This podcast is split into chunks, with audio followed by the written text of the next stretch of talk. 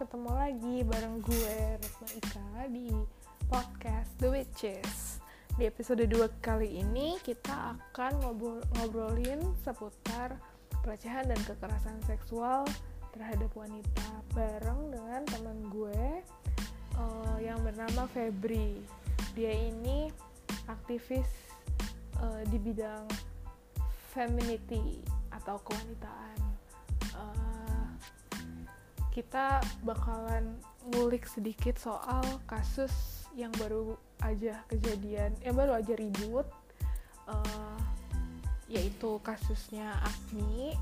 Tapi kita nggak akan ngebahas banyak soal itu.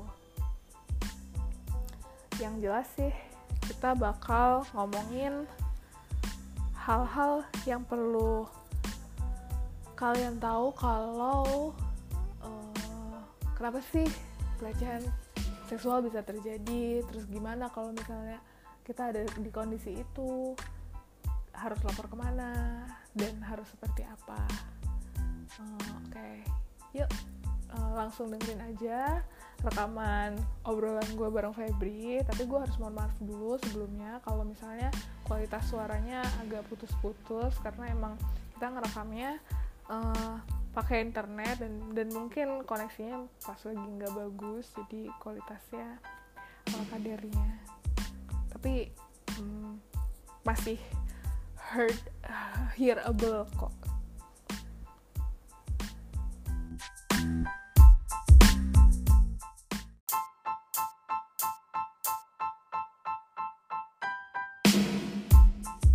Kamu sekarang lagi sibuk apa? Uh, akhir-akhir ini lagi sibuk biasa sih kerja uh, buat outreach di SEO terus kemarin ada proyekan buat salah satu uh, perusahaan di ini uh, buat setup di market sedikitnya dia sama sambil dia salah jalanin poshop aku. Ini boleh promosi kan di sini boleh dong. Boleh dong. Jadi uh, jadi aku selain buka uh, shop aku juga sering diskusi buat uh, kaitannya soal isu kewanitaan uh, nama aslinya your your liberty.id sama our shop juga your di uh, ya sekali dayung dua tiga pulau terlampaui cuma oh, jualan betul. kita juga ya juga edukasi wanita juga kan uh, kesehatan si fokusnya fokus yang kita ah pokoknya hal-hal seputar feminitas gitu ya iya betul sekali seru banget tapi kita kayaknya uh, harus ngebahas sedikit uh, geser dari itu tapi masih seputar seputar femininitas uh, kewanitaan wow. gini wow. Uh, beberapa bulan yang lalu kan lagi heboh ini ya kasus uh, Agni gitu kan kasus Agni yang mengalami ya kita sebut aja ya kekerasan seksual kekerasan hmm. dan pelecehan seksual di uh, lingkungan kampusnya dia. Nah, uh, kalau kalau gue gue pribadi gue nggak terlalu tahu kasusnya gimana. Gue malah baru taunya kan dari uh, lo ya. Hmm. Nah, lo bisa jelasin gak sih sebenarnya ininya gimana sih? Singkatnya tuh gimana, gimana sih ceritanya? Yeah. Jadi Agni itu uh, adalah salah satu mahasiswa ya di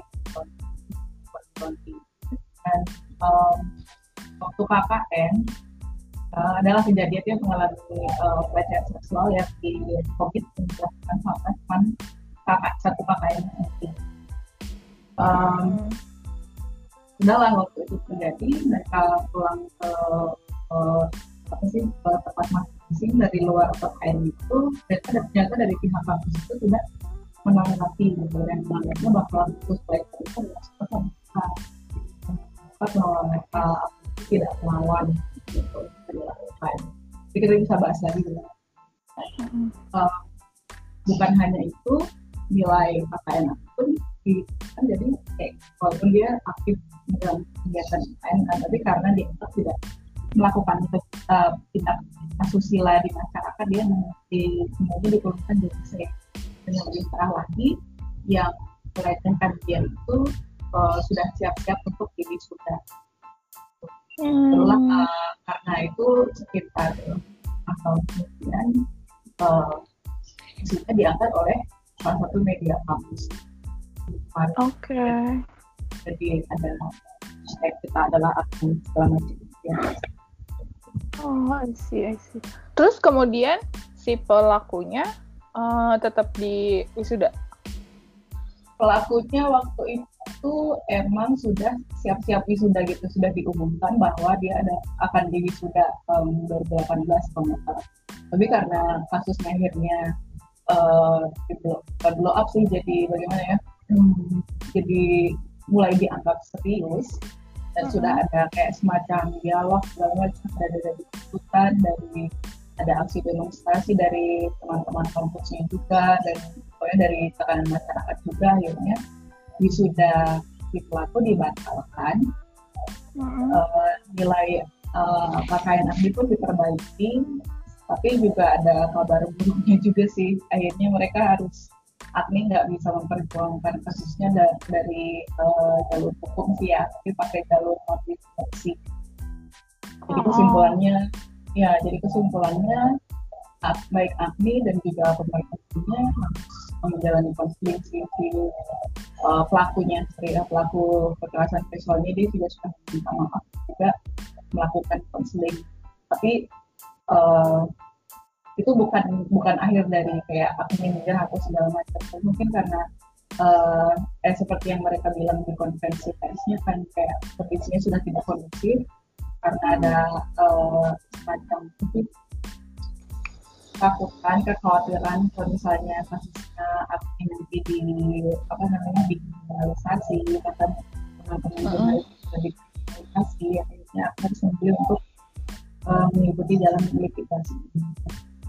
I see, ampun, sayang sekali ya. Semoga semoga kasusnya ini nih apa ya uh, nggak bikin trauma berkepanjangan gitu loh mm. kayak apa ya uh, pelakunya kan seharusnya dihukum dengan uh, jalur konstitusi gitu kan yeah. tapi kayak sekarang jadi kayak gampang aja oh uh, bisa diselesaikan dengan minta maaf dan kemudian konseling terus udah padahal iya begitu Oh, oh, padahal dari sisi ceweknya juga itu nggak akan benar-benar sembuh sampai kapan pun gitu loh.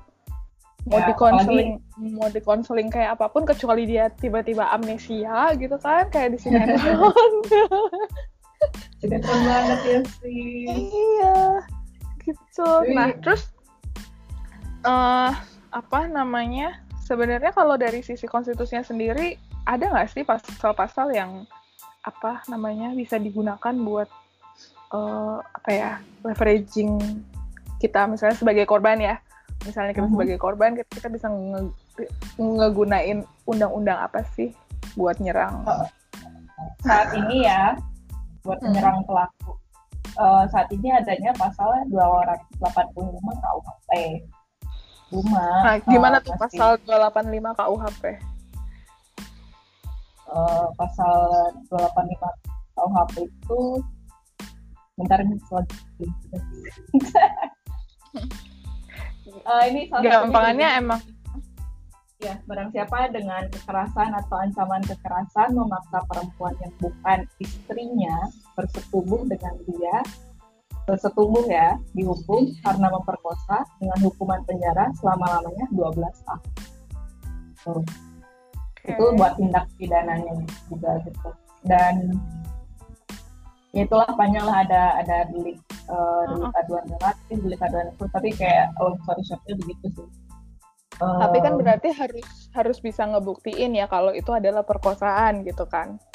Uh, dan ini ada kota kuncinya ya bersetubuh tapi ada kegiatan uh, inserting uh, medis kepaduna kan sedangkan untuk kekerasan seksual kan nggak cuma itu dan itu juga bukan bukan hanya terjadi pada wanita.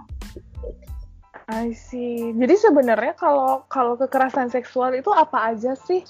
Kayak ya yang mudah dan sering kita dengar itu kan adalah perkosaan gitu kan.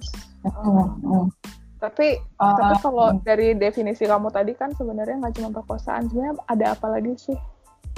Oh ada uh, kalau aku lebih suka ngikutin dari Komnas Perempuan ya karena mereka sama definisinya juga berdasarkan uh, kayak riset sekitar 10 tahunan dari uh, dari mulai mereka ada kasus uh, perkosaan massal tahun 98 itu kan uh, itu juga udah dikonsultasi sama organisasi-organisasi lain jadi dari Komnas Perempuan ada kasual perkosaan kayak intimidasi seksual seperti ancaman perkosa seperti pelecehan seksual seperti uh, catcalling nek nek gitu mm.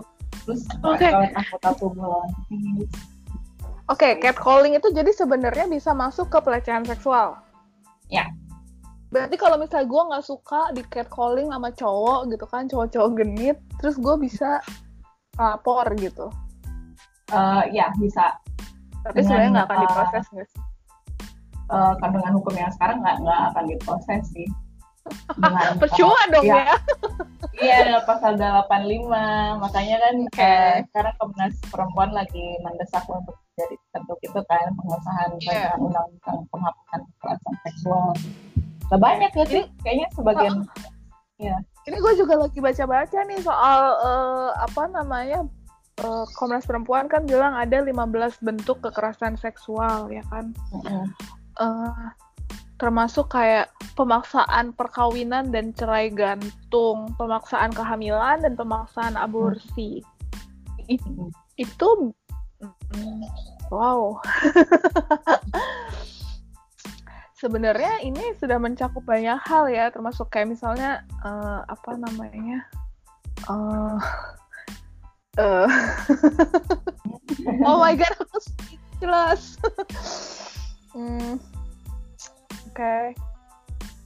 oh intimidasi seksual itu juga masuk ya ancaman perkosaan oke okay, jadi misalnya hanya dengan ngomong uh, lagi lagi kondisi jengkel nih si cowok let's say. Hmm. terus ngomong gue perkosa lo nanti. Itu bisa bisa masuk ke ini ya bisa bisa kita laporin ke Komnas Perempuan ya. Ya karena sebagai perempuan itu kan kayak uh, bikin trauma gitu kan ya. iya dong pasti. Gila ancaman. kayak aduh aku salah apa nih kok pernah diancam apalagi masyarakat kita kan patriarkal banget kan ya kayak apa itu salah uh-huh. perempuan kalau diancam pada terkosa gitu mungkin misalnya kita sama teman atau loh kamu ngapain sampai diancam seperti itu bukannya kayak yang gila ya di cowok seperti sangat mungkin reaksi yang pertama itu yang paling umum Oke. Okay. Serem. Di catcalling aja ya. tuh udah malesin ya. iya, dan dan sering gitu kan sayangnya itu. Kayak pasti sebagian besar perempuan Indonesia udah pernah kayak mau ke mana? Iya, iya, iya, iya laki-laki usil gitu kan, mulutnya usil. iya. Sekarang kita uh, kita lagi gue mau nanya jadi sebenarnya penyebab terjadinya kekerasan atau pelecehan seksual itu sebenarnya kalau kalau dari lo apa sih uh, salah satu yang paling besarnya sih ya uh, kayak ketimpangan uh, relasi kuasa. Jadi di masyarakat Misalnya? yang uh, di Indonesia kan orang itu uh, masyarakat itu sebagian besar uh, patriarkis ya. Kayak laki-laki itu lebih jauh lebih banyak punya privilege dibandingkan perempuan. Kayak yeah. misalnya ada perselingkuhan pasti yang penting adalah pelakornya dari istilah pelakor tapi ada. Dari laki-laki juga nggak pernah di akan dilakukan kan yeah. terus laki-laki kan namanya kucing kalau disuguhin ikan asin juga disambal kayak kayak terlalu banyak ke banyak keistimewaan gitu kan. Membuat dia merasa kayak yang oh aku ini punya power. Uh, ada anggapannya berpikir bahwa pelecehan itu kayak uh, saya kayak kalau itu dalam bentuk ujian itu nggak betul ya. Namanya pelecehan itu karena laki-laki merasa punya hak atas uh, bukan hanya laki-laki sih ya. Uh, tapi banyak kan laki-laki. Gimana sih? Laki-laki itu merasa uh, merasa dia berhak atas sesuatu. Jadi perempuan jadi itu dilecehkan dikasih dan jadi karena mereka ada. merasa merasa lebih lebih di atas gitu kan? Uh, jadi ibaratnya kayak nge, menindas gitu ya ya betul sekali gitu. Walaupun oh, sebenarnya juga nggak semua nggak semua seperti itu gitu kan. Ya tapi itu faktor yang paling utama yang terjadi adalah timpang yeah. dari sama lagi perempuan itu kan di masyarakat kita lebih ke kayak apa ya uh, pekerja itu sebenarnya bukan sebagai tenaga utama atau pekerja tapi sebagai hukum jadi ada faktor uh, sosial ekonomi juga kan hmm sih terus kayak kalau misalnya nih kejadian ada kejadian uh, kekerasan seksual, saya misalnya perkosaan gitu ya, uh, hmm. yang kadang gue nggak habis pikir adalah uh, komentar orang-orang lain yang misalnya kayak ya wajar dia diperkosa lihat aja penampilannya kayak gitu gitu padahal hmm. sebenarnya yang di yang jadi korban ini juga gak kenapa-kenapa loh ada juga hmm. yang pakai baju tertutup dari atas sampai bawah lengkap dengan jilbab gitu kan. Tapi tetap yeah. aja dia ngalami pelecehan seksual. Jadi sebenarnya tuh kayak apa ya uh, kayak rusak banget gitu. Kenapa sih yang yang disalahkan tuh justru korbannya gitu? Ya itu salah satunya adalah kayak semacam dari faktor itu. Ya banyak yang dinormalisasi yang seperti itu kayak yang yang dianggap apa ya hmm, lagi-lagi balik-balik kayak balik lagi kayak salah perempuan juga kan karena dia karena uh, patriarkis banget. Padahal udah ada sebagai ya udah ada berbagai macam macam kayak exhibition juga sih di luar ya soal pakaian apa yang dikenakan oleh korban pelecehan seksual banyak kok yang cuma pakai kayak pakai baju biasa baru pulang kerja pakai baju yang tertutup menurut itu nggak ada nggak ada kaitannya sama baju sih ya kalau ada yang harus diubah itu harusnya mindsetnya gitu. Ya, jangan iya, menyalahkan iya, iya. korban gitu jangan victim ini iya iya Ya. Dan kadang yang yang gue juga nggak habis pikir adalah yang ngomong kayak gini tuh juga sesama perempuan gitu. Nah itu uh, salah satu itu perempuan yang sayangnya pendukung budaya patriarkis. Oh, ya. Nah karena, terus, ya. Hmm, karena apa? Uh, ya karena istilahnya bagaimana ya? Orang itu nggak bakal uh, bisa membayangkan rasanya kayak uh, analoginya itu kayak uh, aduh kunci pintu dong biar nggak kemalingan. Jadi bukannya bukannya fokusnya tuh lebih di kunci pintu bukan di lebih kepada caranya sih kalau orang itu nggak pernah nggak pernah uh, merasa nggak pernah bisa ngebayangin gimana rasanya enaknya uh, keluar rumah tanpa kunci pintu karena iya iya benar juga. Gitu. Fokusnya ke iya bahkan untuk uh, apa ya di rumah sendiri aja sampai ngerasa nggak aman gitu kan. Kayak yang dulu aku oke okay. jadi banyak perempuan kok yang karena korban ketimpangan relasi kuasa ini jadi atas. Dulu aku pakai baju yang Udah kan nggak ada iya, hubungannya ya? Iya nggak ada hubungannya loh. Terus kadang kadang rusaknya adalah gini uh, pelaku-pelaku kekerasan dan pelecehan seksual ini tuh ng ngelihat cewek-cewek yang uh, oke okay, let's say pakai baju yang mini press body kayak gitu tuh terus kemudian punya pemikiran bahwa oh dia pakai baju kayak gitu tuh kayak uh, pekerjaan seks komersil dan pantas untuk dilecehkan kayak gitu tuh loh I, I mean yeah. I don't get it. Ya balik lagi dia merasa bahwa uh, perempuan itu adalah objek dan dia punya kuasa gitu. Jadi dia berhak memutuskan bahwa perempuan itu adalah laki-laki. Padahal kan nggak ada ya. ya perempuan itu kalau aku beranggapan perempuan itu pakai baju sebetulnya pakai menyenangkan perempuan lain. Istilahnya tuh kayak begitu atau sering mengekspresikan di aja sih. Jadi nggak ada iya. namanya kayak aduh pakai baju seksi biar dilihatin cowok males banget mah ya, bener banget ini sebenarnya tuh adalah uh, apa ya gue nggak tahu istilahnya jadi misalnya nih kayak gue jalan sama suami gitu kan uh, gue dandan cantik. Itu bukan honestly speaking bukan buat suami gue. Yeah. buat cewek-cewek yang ngincer suami yeah. gue. Ini ada yang punya. Kayak gitu sih. Lebih ke gitu gitu. Uh, kalau lebih ya, kayak yang part ya but some part ya emang dandan juga buat suami juga. Cuman the main part is juga sih bukan buat bukan buat cari perhatian cowok juga kan. Nah no. Mana tahu mana tahu mereka susah ya kita bikin apa sih uh, putting on make up gitu kan. Taunya ih seger gitu. Nggak tahu dia campur-campur foundation gitu pakai apa itu susah ya. Yep. kalau gue lebih mudah terintimidasi dengan uh, cewek-cewek yang dandan lebih cantik terus laki gue ngeliatin gitu. Bisa bisa.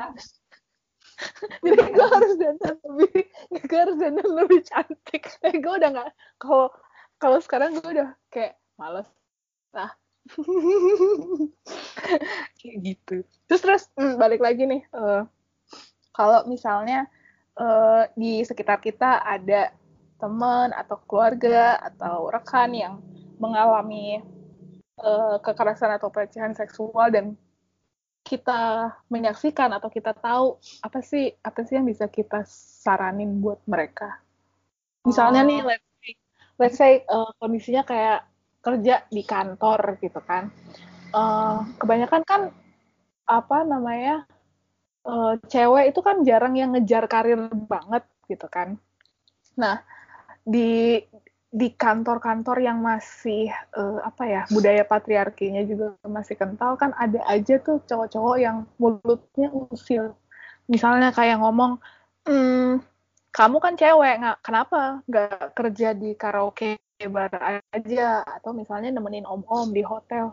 Kan enak kerjanya nggak capek nggak panjang gitu kan. Bayarannya banyak lagi senang-senang juga kayak gitu. Dan kita tuh tahu kita nyaksiin kita ngedengerin gitu masalahnya itu kan bukan untuk kita tapi teman kita. Apa sih yang bisa kita lakuin buat ngebantu? Uh, jadi di sini kita posisinya sebagai bystander ya kayak ya orang mm. uh, sebagai bystander itu kita harus menemani kayak itu tuh langsung kayak kita ajak perempuan perempuan kayak lu lagi ngapain? Makan sini? Kita tarik keluar dari situasi itu dengan tenang kayak kalau konfrontir bisa juga jadi pilihan. Kan uh, bisa jadi malah jadi uh, jadi pelakunya kita konfrontasi gitu ya? Juga. Tapi uh, langkah salah satu langkahnya itu juga sih kayak kita tarik teman perempuan kita dari itu dengan kita kayak eh lo lagi ngapain di sini? Kita langsung kita langsung pura-pura makan segala macam. Setelah itu bisa langsung lapor ke saya menyaksikan ini di uh, teman saya ini menerima perlakuan tidak di kantor pada digital juga uh, bisa juga dipermotir juga sih. Tapi kalau konfrontasi kan mungkin uh, bukan orang saya karena begitu dikonfrontasi mungkin bisa juga dari masih pelaku pelecehan itu dia jadi makin makin aktif ya apalagi kalau di Indonesia kebanyakan uh, realistis realistis saja sih. Kan uh, orang masih masuk ya sama berkonfrontasi. Aduh so, hmm. tapi yang paling penting itu sebagai bystander kita nggak boleh diam saja. Jadi harus uh, uh, menengahi terus uh, eskalasi situation juga kan di kayak gimana caranya supaya situasi tidak semakin parah kemudian baru uh, melaporkan uh, melaporkan kejadian tersebut ke pihak yang, hmm, bisa membantu uh, teman-teman kita. Iya iya iya. Pokoknya, Pokoknya intinya mah ya. nggak boleh diem aja gitu ya. Jangan cuma menyaksikan ya. Kalau kalau ada kejadian kayak gitu, jadilah berada di posisi uh, si teman-teman yang korban kalau dari itu gimana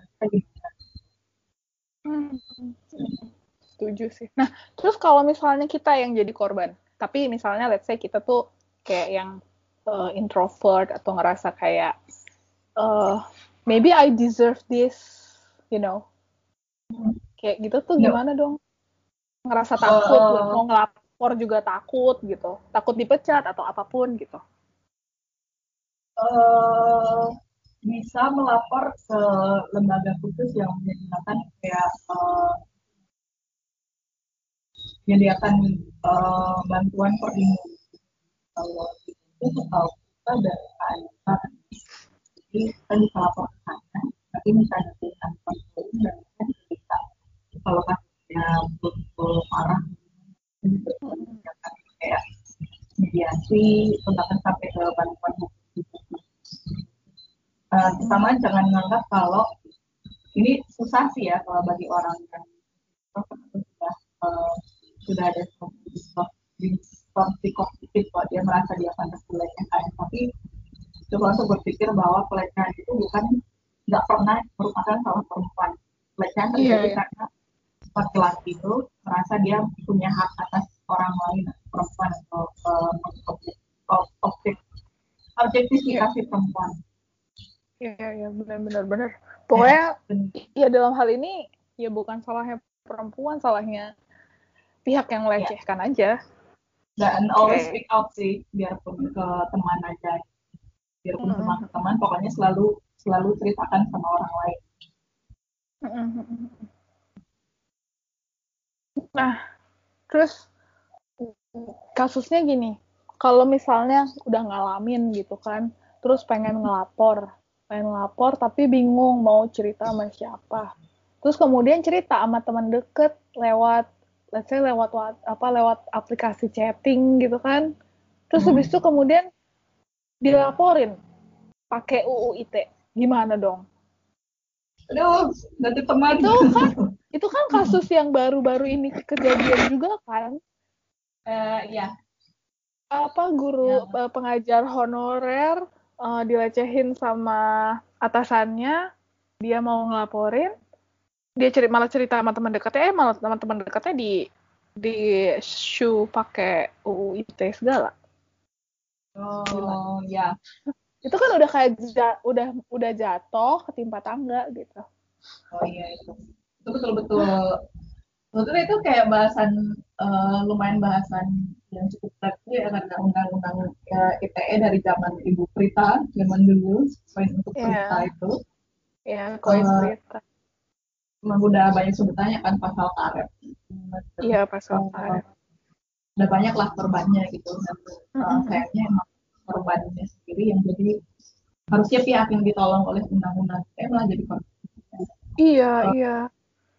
kalau ranahnya udah udah semacam semacam segala macam aku nyaraninnya bantuan dari bantuan uh, hukum ada juga sih LBH LBH yang menyediakan bantuan hukum secara gratis.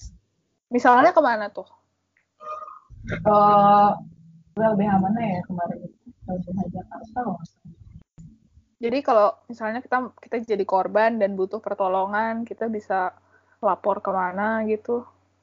Oh ya ini ada salah satunya uh, eh, LBH Jakarta. Mereka menyediakan bantuan hukum gratis untuk korban ketidakadilan. LBH Jakarta, namanya Jakarta, LBH Jakarta. Iya. Okay. Di Twitter juga ada. Twitternya uh, @lbh uh, Jakarta. Oke. Okay. Aja sih gitu. Terus ada juga uh, Yayasan Lembaga Bantuan Hukum Indonesia. Oke. Okay. Jadi kita bisa langsung cerita gitu ya tanpa media teknologi apa pun biar nggak kena UIT gitu ya. Uh, uh, gimana maksudnya sorry? kan supaya nggak kena UU ITE, mending nggak usah pakai teknologi sekali ya, mending langsung cerita langsung sih ya. cerita kalau mau meminimalisir juga bisa cerita langsung gitu kan. Eh, aku mau cerita nih gimana coba cerita. Aduh jangan di Iya, pokoknya pokoknya jangan pakai sosial media, jangan pakai email, jangan pakai uh, aplikasi chatting gitu kan. Langsung ya, aja telepon. Dan aku nyaranin juga uh, buat langsung uh, menghubungi lembaga yang uh, concern di situ sih, seperti kayak Komnas Perempuan ya. Uh, mungkin ada ada concern kayak aduh takut nih gitu kayak takut gimana gitu. Sebetulnya nggak perlu takut karena lembaga tersebut mereka pasti bakal uh, me, apa namanya melindungi privasi juga dan mereka yeah. juga baru akan melakukan misalnya lanjut dari kasus itu kalau kita sudah memberikan konsen. Kayak yang uh, misalnya butuh bantuan hukum gitu kan. Kalau kita mau membantu hukum nih kamu bersedia atau tidak dengan segala resikonya segala macam. Gitu jadi nggak perlu hmm. takut. Dan mereka juga istilahnya apa ya sudah profesional ya sudah banyak uh, konselor profesional juga sudah banyak membantu kasus-kasus dengan uh, kasus-kasus wanita yang serupa jadi kayak nggak nggak sendirian lah berasanya dari situ. Nah, terus kalau yang baru beberapa hari ini itu aku tuh baca di uh, Instagram salah satu teman kan. Jadi hmm. ada yang namanya inisiasi nama baik kampus. Nah, hmm. bis, ke, tahu nggak sih soal itu? Uh, itu kayak kolaborasi sih ya kolaborasi uh. kita dari tiga media besar uh, Info.IT, Mas Indonesia, dan Jakarta. Terus kalau nggak salah BBC Indonesia juga. Jadi mereka hmm. mengusut uh, kasus pelecehan di kampus. Gitu. Ah, jadi kayak bikin testimoni tapi data lo juga nggak akan disebar gitu ya? Betul, bisa juga. Uh, dan kayak mengulik lebih lanjut kenapa itu terjadi, tindak lanjutnya, segala macam ini kayak iya. agak mirip mirip yang kasus-kasus uh, aduh berapa tahun belakang ya kalau nggak salah waktu itu kan ada di Amerika Serikat juga kan kasus uh, pelecehan ah, seksual. Iya. Yang akhirnya jadi hashtag MeToo. Iya. Iya bukan yang, sih. Uh, ada beberapa sih salah satu yang kemarin terakhir yang betul-betul di betul-betul besar itu kasus perkosaan yang melibatkan salah satu tim tim perenang kampus gitu. Oh. Jadi med medianya tuh menyebutkan bahwa uh, headline itu ini tim perenang kampus diduga melakukan kekerasan. Oh, padahal udah jelas gitu kan, udah ada buktinya, udah seperti yang apa melihat itu terjadi dan dan membantu uh, si korban itu. Tetap aja kayak media tuh kayak yang aduh kasihan dong dia kan masa depannya lebih cerah gitu. Jadi malah lebih uh, fokusnya tuh malah lebih ke pelaku masa depan pelaku daripada dari ah. foto-foto yang ada itu Amerika Serikat ngeselin abis ya ampun ngeselin ya, abis. Kan? negara yang udah negara yang katanya udah cukup maju gitu kan masih aja ada kayak gitu. Si victim blamingnya kenceng banget kan? Iya. Oh, oh, bener cuman emang yang Dan, paling parah yang gue denger sih yang kasusnya Harvey Weinstein itu kan kayak ya, si Hollywood seisi Hollywood itu pernah jadi korbannya gitu. Iya kan? Iya. Sampai jadi gerakan internasional. Ya, dan itu penting sih harus lebih banyak perempuan yang berani speak up gitu. Karena nggak yeah. tahu kan, kalau kita diem, dia mungkin aja mau praying wanita lain juga. Iya, yeah, iya yeah, benar benar benar. Dan aku salutnya kenapa nama baik kampus karena kampus itu kan kayak institusi pendidikan tertinggi ya yang harusnya membantu kayak macam keamanan bagi mahasiswinya.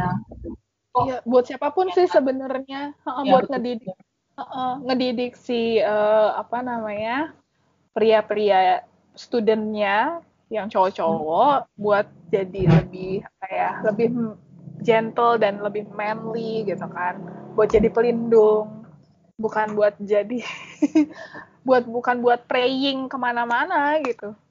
Tapi kenyataannya malah begitu kan kenyataannya malah begitu. Dan dan sedihnya kasusnya Agni ini adalah salah satu kampus besar di Indonesia gitu kan. Iya betul sangat sayangkan sekali. Nah uh, oh my god. Gue masih agak speechless tapi kita nanti uh, nyambung ke part 3 ya. Oke. okay. Oke okay. gimana sih caranya supaya perempuan tuh bisa lebih melindungi diri sendiri gitu. Hmm. Bersatu dengan wanita lain. Ketika bersatu. wanita ketika wanita bersatu ini ini salah satu quote ini sih uh, Mbak yang dari Kansnya yang disebut ini selama ini aku masih aktif. Uh, ketika perempuan saling menindas sama lain, maka uh, patriarki itu kita akan tertawan. Tapi ketika perempuan satu, maka uh, kalau si kaum patriarki patriar hal patriarki itu bisa menangis gitu istilahnya. Jadi kayak sebagai perempuan itu kita harus mendukung satu sama lain. Betul betul betul. Setuju. Kayaknya saling menjatuhkan. Ada masuk kekerasan seksual ada mbak mbak yang sih jadi saling saling apa ya uh, mengembrace keunikan masing-masing yeah. gitu ya mm. yeah.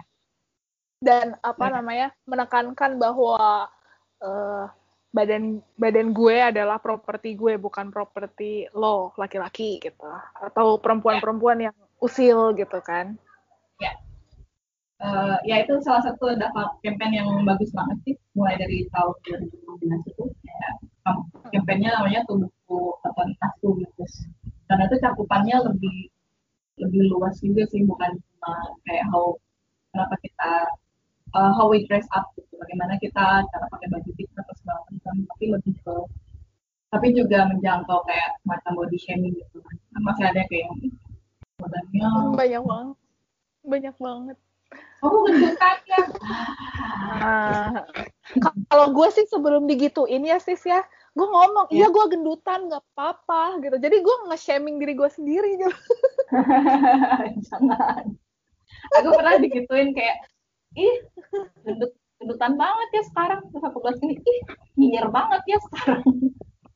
Iya cuman kayak mm, kalau gue daripada ngerasa uh, daripada ngerasa defensif gitu kan gara-gara komentar teman atau pertanyaan teman yang seperti itu mending gue bilang iya gue tahu gue gendutan nggak usah komen. Udah gitu aja dengan ton uh, santai gitu. Jadi gue nggak masukin ke hati. Daripada kalau misalnya gue keduluan sama dia dengan komentar ih kok lo gendutan sih? Kan biasanya gue masuk ke hati gitu kan. Deh terus lah. kalau deprecating humor ya sebagai coping mechanism. iya aduh. Ah menyenangkan sekali ngobrol sama kamu. Terima kasih sudah memberi pencerahan di hari yang sebenarnya silau. Silau ya sama. Ini silau cerah. Ah senangnya. Terima kasih sudah diundang untuk ngobrol, mungkin agak hmm. ngalor ngidul atau terlalu bersama. Kapan-kapan kita ngobrol lagi ya. Oke, oke. Terima kasih Kakak Febri. Dadah. Terima kasih, Mbak Dadah. Have a good day.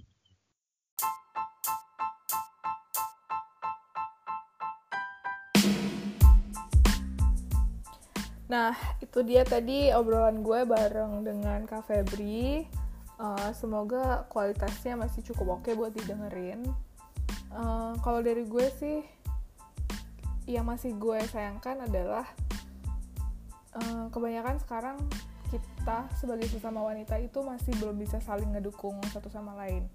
Jadi kayak masih masih sering terjadi penghakiman uh, atas tubuh dan pakaiannya Hmm, korban-korban pelecehan seksual atau kekerasan seksual uh, penampilannya dinilai dan kalau nggak sesuai dengan idealisme penilainya itu bakalan dihina atau misalnya kayak berbaju sedikit terbuka dikatain pelacur.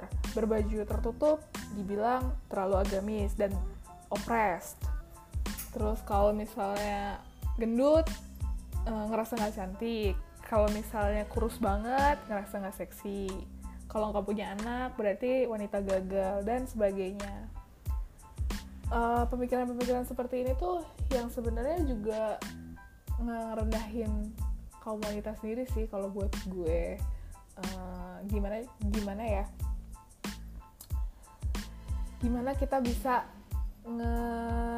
ningkatin nilai kita di mata orang lain? Kalau misalnya kita sendiri sebagai sesama wanita aja ngerendahin gitu. Terus kalau misalnya kayak dari perempuan itu uh, perempuan selalu diajarin cara-cara untuk gimana supaya kamu itu nggak diperkosa. Kamu harus menutup uh, menutup badanmu kamu harus pakai baju yang tertutup kamu harus beginilah begitulah. Pokoknya bagaimana caranya supaya kamu nggak diperkosa. Tapi jarang banget laki-laki diajarin bagaimana untuk tidak memperkosa atau melecehkan wanita.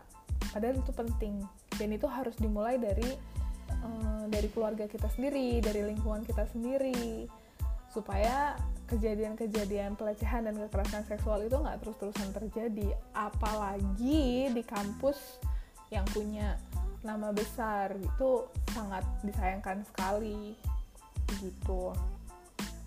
Uh, sebagai penutup gue juga mau ngasih tahu soal uh, campaign tubuhku otoritasku. Uh, kalian bisa dengerin di YouTube lagunya Tika and the Dissidents uh, tubuhku otoritasku. Detailnya akan gue kasih di uh, blognya The Witches. Jadi kalau misalnya di sini susah buat ngeklik linknya karena nggak mungkin uh, kalian bisa buka di uh, blognya The Witches. Gitu ya terima kasih sekali lagi karena udah ngedengerin uh, obrolan kami. Sampai jumpa di episode-episode selanjutnya. Bye bye